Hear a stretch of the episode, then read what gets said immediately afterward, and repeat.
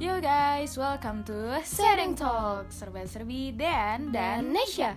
Hari ini kita bakal cerita nih tentang tokoh perjuangan integrasi bangsa yang berasal dari Papua. Siapa tuh? Kalian pasti udah tahu nih siapa orangnya. Gua kasih hint ya.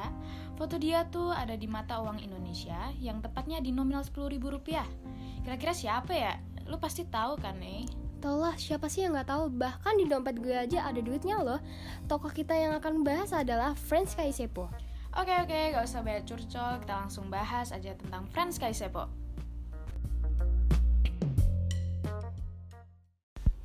Franz Kaisepo lahir di Pulau Biak pada 10 Oktober 1921. Dia pernah menamatkan pendidikan di sebuah sekolah guru agama Kristen di Manokwari dan sekolah kursus pegawai Papua di Kota Nika, Kabupaten Jayapura. Pada 1945, Fresh bertemu Sugoro Atma Prasojo di sekolah khusus pegawai. Mereka dengan cepat menemukan titik temu karena dukungan bersama mereka untuk kemerdekaan Indonesia. Kaisepo sering mengadakan pertemuan rahasia untuk membahas aneksasi Nugini Belanda oleh Republik Indonesia. Franz Kaisepo termasuk salah satu orang menegakkan eksistensi Republik Indonesia dan orang pertama yang mengibarkan bendera merah putih dan menyanyikan lagu Indonesia Raya di Papua. Franz Kaisepo menjadi utusan Nugini Belanda dan satu-satunya orang asli Papua pada konferensi Malino di Sulawesi Selatan. Sebagai juru bicara, dia menyarankan wilayah itu disebut Irian, menjelaskan kata itu berarti tempat yang panas, dalam bahasa aslinya yaitu Biak. Pada bulan yang sama, Partai Indonesia Merdeka didirikan oleh Franz di Biak, dengan Lukas Rumkoren sebagai pemimpin terpilih partai tersebut.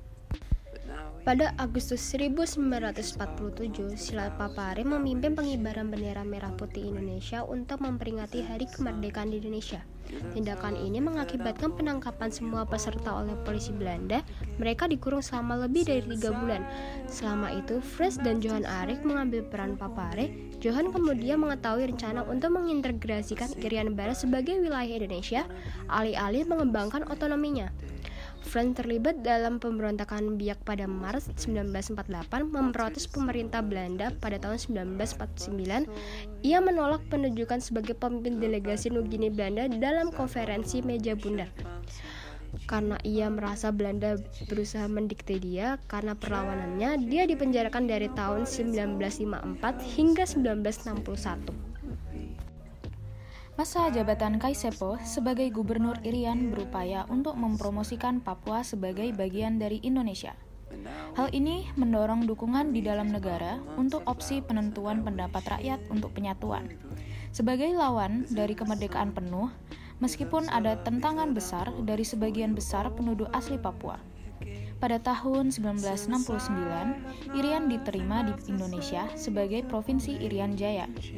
Atas upayanya mempersatukan Papua dengan Indonesia, ia terpilih menjadi anggota parlemen untuk Papua pada pemilihan Majelis Permusyawaratan Rakyat pada tahun 1973.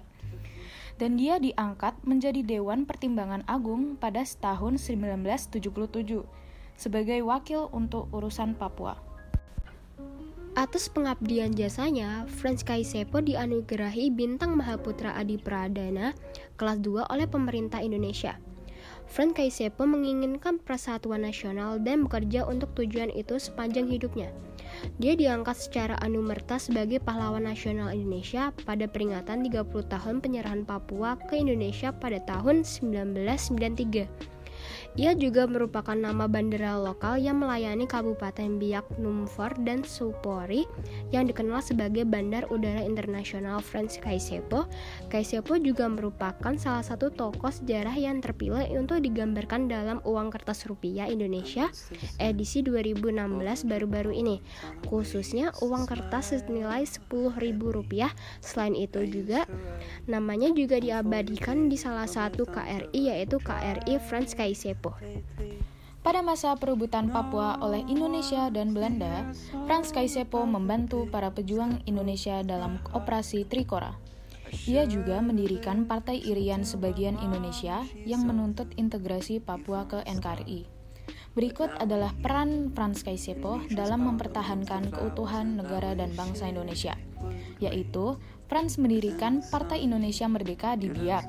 Kedua, Franz menjadi anggota delegasi dalam konferensi Malino pada Juli 1946 di Sulawesi Selatan. Beliau mengganti nama depan delegasi dari Netherlands New Guinea dengan kata Irian yang berarti ikut Republik Indonesia Anti-Netherlands. Yang ketiga, Franz Kaisepo juga menjadi anggota delegasi yang menentang pembentukan negara Indonesia Timur. Yang keempat, Franz memimpin pemberontakan rakyat Biak pada Maret 1948 ketika melawan pemerintah Hindia Belanda. Yang kelima, Franz menolak menjadi ketua delegasi mewakili Netherlands New Guinea ke konferensi meja bundar di Den Haag. Yang keenam, pada tahun 1961, Franz mendirikan partai politik Irian yang menuntut penyatuan Netherlands New Guinea ke dalam negara Republik Indonesia. Bahkan demi mencapai tujuannya, beliau membantu dan melindungi para pejuang Indonesia yang terlibat dalam operasi Trikora. Hasil peperap menghasilkan suara bulat bahwa rakyat Irian memilih bergabung dengan Indonesia karena perang Franz Kaisepo. Franz Kaisepo meninggal dunia pada 10 April 1979. Ia dimakamkan di sebuah lahan di seberang jalan Taman Makam Pahlawan Cendrawasih di Kampung Mokmer, Kabupaten Biak Numfor, yang sekarang menjadi Makam Pahlawan Nasional Indonesia, Franz Kaisepo. Makam beliau dan TMP Cendrawasih terletak beberapa kilometer ke arah timur Bandara Internasional Franz Kaisepo. Wah, keren banget ya perjuangan Franz Kaisepo buat negara Indonesia. Iya, dan dia tuh melakukan banyak banget, terutama yang mendirikan politik Irian yang menuntut penyatuan Netherlands New Guinea ke dalam negara Republik Indonesia. Sebelum kita closing, gue ada satu quote nih dari Franz Kaisepo. Bersatu pastilah lebih baik daripada tercerai berai. Keren. Tahu dari mana lo?